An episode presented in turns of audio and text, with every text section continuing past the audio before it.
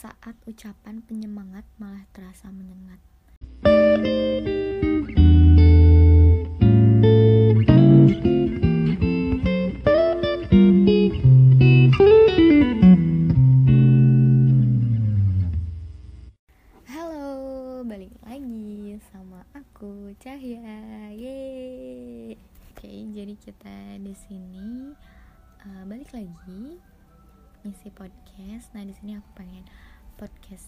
Tentang toxic positivity. Nah, buat teman-teman yang belum tahu apa itu toxic positivity itu saat ucapan penyemangat malah terasa menyengat. Pasti teman-teman di sini pernah ngerasain dapat kalimat penyemangat tapi malah jadi menyengat gitu ke diri sendiri malah jadi makin down malah makin sedih gitu atau teman-teman yang pernah memberikan kalimat toxic positivity itu gitu. Misalkan kayak gini jadi misalkan ada dua percakap percakapan dua orang misalkan kita sebut mawar dan melati. Nah si mawar itu kehilangan gelang yang sangat berharga dan melati itu temannya melati mencoba menghibur. Jadi percakapannya seperti ini. Ketika mawar tadi kehilangan berharga gitu ya melati bilang loh nggak usah sedih emangnya nangis bisa bikin gelangmu balik yaudah yuk kita uh, pikir yang senang-senang aja pikir positif aja. Bersyukur kan yang hilang itu bukan uangmu bukan uh, yang lain kayak gitu. Senyumnya mana? Uh, positif nanti bakal digantiin kok sama yang lain gitu kan. Nah sebelum dilanjut kalau misalkan kita jadi mawar nih yang kehilangan gelang yang menurutnya berharga itu gimana sih perasaannya dipuk-pukin teman kamu pakai cara kayak gitu gitu? Pakai cara kalimat yang kayak gitu gitu walaupun kita udah tahu pasti gitu kalau misalkan nangis gelangnya itu kita gelang kita itu nggak bakal balik lagi gitu. Simsalabim ada gitu habis nangis. Tapi ya kenapa sih mawar itu nangis? Ya karena sedih gitu. Karena dia sedih wajar gak sih kalau misalkan kita sedih gitu? Kita kehilangan sesuatu yang berharga terus kita sedih nangis wajar kan? Atau e, menunjukkan kalau misalkan kita lagi mengeluarkan emosi kita kayak gitu. Karena yang diomongin melati kemawar itu bisa disebut toxic positivity. Nah kayak gitu. Jadi ucapan penyemangat malah jadi terasa menyengat gitu ke kitanya. Misalkan nih kalau misalkan belum paham lagi contoh lainnya. Uh, duh gue bete nih doi gue cuek gak romantis gitu. Eh malah temen kita jawab Allah lo masih mending punya doi nah gue nggak punya atau nggak bla bla bla bla gitu. Yang malah e, menceritakan cerita dia kayak gitu kalau kesah dia gitu. Lah kan lu cuma diminta cuma buat dengerin dulu gitu bukan disuruh daftar kompetisi siapa yang paling sial seantero jagat raya kan gitu. Jadi teman-teman di sini kayak dengerin dulu gitu. Bukan berarti kita menceritakan semua apa yang kita rasain gitu dan kita melupakan teman kita yang lagi curhat ke kita yang butuh didengar gitu. Karena setiap masalah orang lain walaupun kelihatan sepele buat kamu gitu bukan berarti kamu harus kehilangan empati dan menganggap dia manja gitu. Apa itu terlalu buruk gitu ya? Enggak juga kan gitu. Tanggapan orang-orang tuh beda gitu tapi ya toxic positivity itu bikin orang-orang cenderung menolak perasaan mereka gitu. Padahal ya sedih marah itu kan sesuatu yang wajar gitu. So apa yang harus kita katakan gitu apa yang harus dikatakan gitu?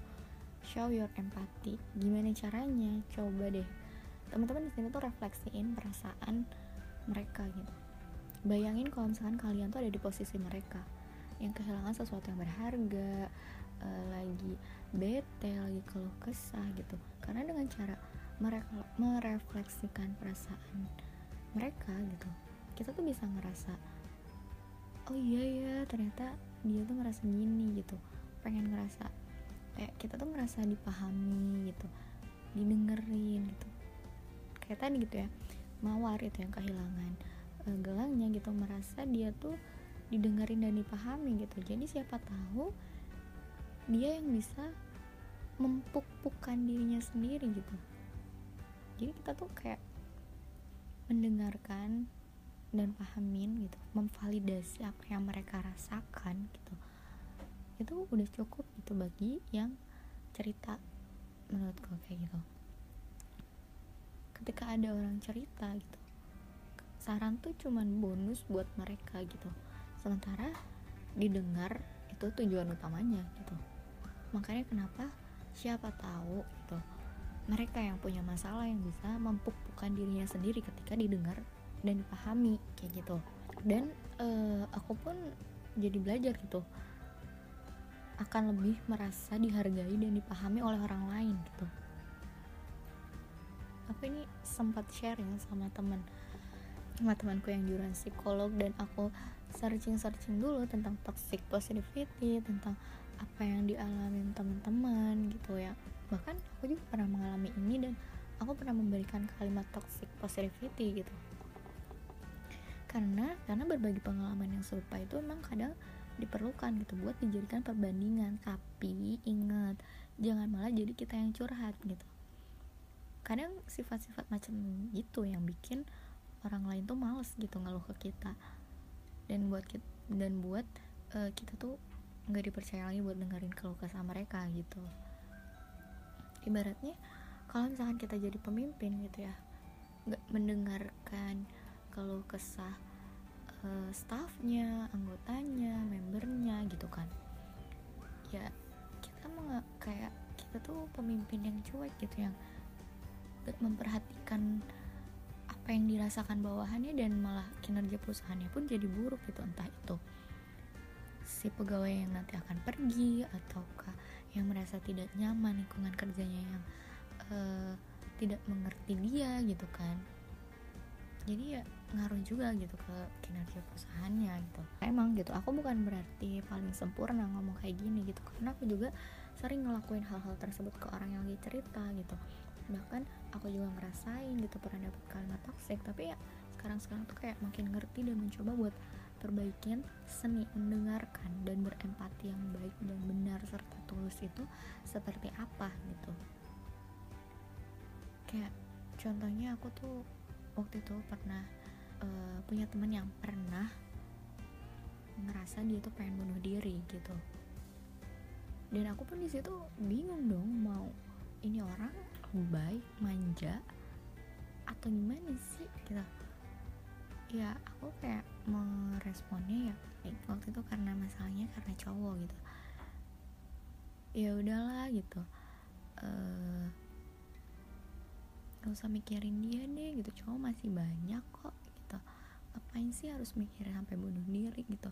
Udah deh deketin aja sama yang uh, maha kuasa gitu sama Allah. Kamu lebih mendekatkan diri sama Tuhan. Dan aku pun ke sini ingat ucapan aku tuh oke okay, kalimat itu tuh bukan penyemangat belum jadi belum bisa jadi penguat buat dia yang ngerasa pengen bunuh diri. Karena itu jangan disepelekan ya teman-teman.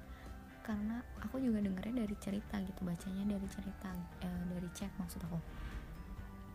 Karena kita nggak tahu kan kalau chat itu dia lagi nangis dia lagi benar-benar marah dia lagi benar-benar uh, amit-amitnya ya sedang melakukan hal menyeset-nyeset gitu. Kita nggak tahu kan.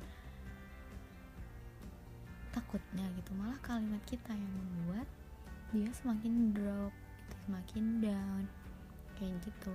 Jadi kita harus lebih banyak belajar memahami mendengar dan berempati lebih care gitu sesama teman kita yang sedang membutuhkan semangat dari kita kayak gitu. Karena mengekspresikan emosi lewat tulisan apalagi mendem nyimpan perasaan gitu itu yang lebih bahaya gitu. Kayak pernah gak sih ngerasa kita tuh punya banyak teman tapi kita tuh nggak tahu gitu harus cerita ke siapa? Bukan bukan karena teman-temannya yang nggak care tapi malah kita yang nggak cerita gitu karena kita malu. Aduh temen aku bakal mau dengerin gak ya gitu. Temen aku malah menghakimi atau menghujat aku nggak ya kalau misalkan aku cerita kayak gini gitu. Nah di situ yang bikin kita tuh bahaya gitu. Malah mendem mendem malah membludaknya tuh bahaya gitu. Nggak tahu membludak ke siapa di mana kayak gitu. Makanya kita tuh harus memvalidasi perasaan dia jujur sama diri sendiri gitu kalau marah ya marah gitu. Kalau mau nangis ya nangis gitu. Selama itu membuat kamu tenang gitu. Karena pura-pura bahagia dan pura-pura baik itu nggak selalu bisa bikin diri kita bangkit gitu. Malah jadinya bikin kita makin parah emosi meledak gitu. Yang aku tadi bilang itu karena ditahan-tahan gak dilepasin apa yang kita rasain gitu. Jadi jika kamu merasa tertekan gitu agar selalu terlihat bahagia ya kamu itu sedang bisa mengalami toxic positivity gitu. Terus mencoba untuk selalu berpikir positif jadinya nggak realistis. Justru akan menjadi racun dan terasa palsu gitu.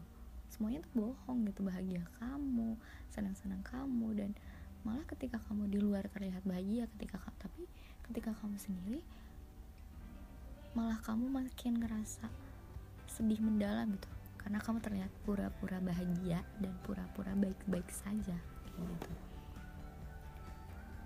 Dan jika kalian seseorang yang mengatakan bahwa kamu tidak seharusnya sedih atau kecewa gitu terhadap kejadian yang kamu alami gitu yang membuat kamu sedih gitu maka kalianlah yang sedang memberikan toxic positivity kayak gitu. Contoh lain nih uh, memvalidasi perasaan dan jujur pada diri sendiri. Perbedaannya kalimat dengan kalimat toxic positivity. Kalimat toxic positivity itu misalkan ya kamu bisa kok ngatasinnya gitu. Tapi memvalidasi perasaan mereka tuh ya sih pasti berat ya gitu. Pasti kamu pernah mengalami hal yang lebih berat dari ini kok. Aku percaya kamu bisa aku percaya padamu kalau misalkan kamu bisa melewati ini semua.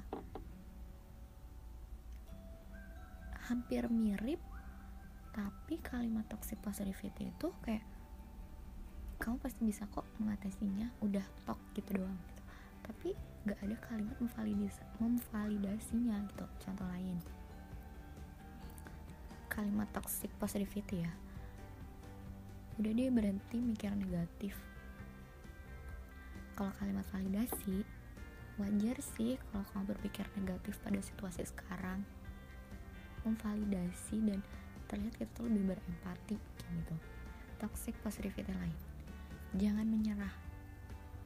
Validasinya kadang kita memang perlu menyerah gitu pada keadaan seperti ini gitu. Terus menurutmu gimana cara kamu mengatasinya?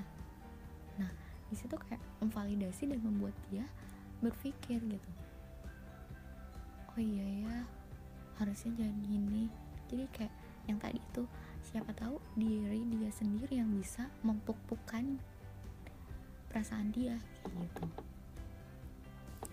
Dan uh, ini sih yang paling nih. Udah dong jangan cengeng jangan nangis. Kamu harus kuat ya kamu harus bangkit. Itu toxic positivity kalimat validasinya nggak apa-apa kalau emang kamu mau nangis nangis aja. Biar lega. Biar tenang. Nah itu kan masa kita didukung ya. Merasa kita didengar gitu dipahamin. Mereka tuh ngerti gitu apa yang aku rasain. Terasa nggak sih kayak gitu? Kayak lebih tenang gitu. Dan bagi cewek gitu ya setelah dia sakit hati ya nangis tuh kadang bikin lega gitu. Hey listen your emotions gitu kepahitan benci gak nyaman marah, kecewa, rasa bersalah, nyesal, malu, cemas, sedih pokoknya. It's okay to have negative feelings. Gitu. Kalau ada teman kamu yang seperti 4K yang di Star itu selalu berpikir bahwa dia itu sampah dan selalu berusaha membuang dirinya karena mungkin dia mendapatkan kalimat toxic positivity lagi sedih atau nggak lagi down-downnya gitu maka kalian sebagai teman-temannya jadilah seperti Woody dan kawan-kawan yang selalu berusaha sekuat tenaga meyakinkan dia bahwa dia itu berharga dan sangat pantas untuk dicintai. Dan teruntuk kamu yang sedang lelah dan kehilangan arah hidup itu perjalanan panjang. Wajar bila di tengah perjalanan banyak cobaan, musibah, rintangan hilang arah lelah bingung dan seterusnya. Kamu cukup berhenti sejenak dan beristirahat.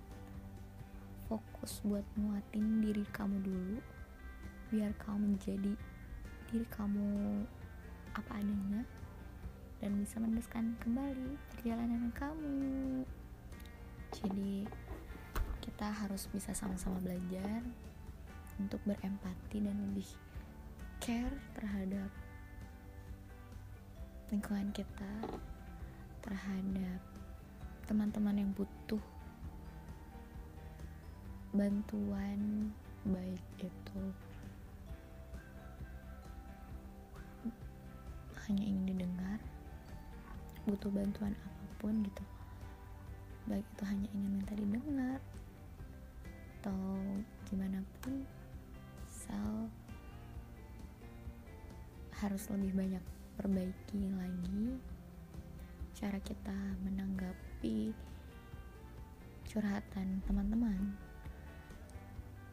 Lebih belajar seni mendengarkan dan berkomunikasi yang baik tanpa memberikan kalimat-kalimat yang beracun. Oke, okay, thank you. Dadah.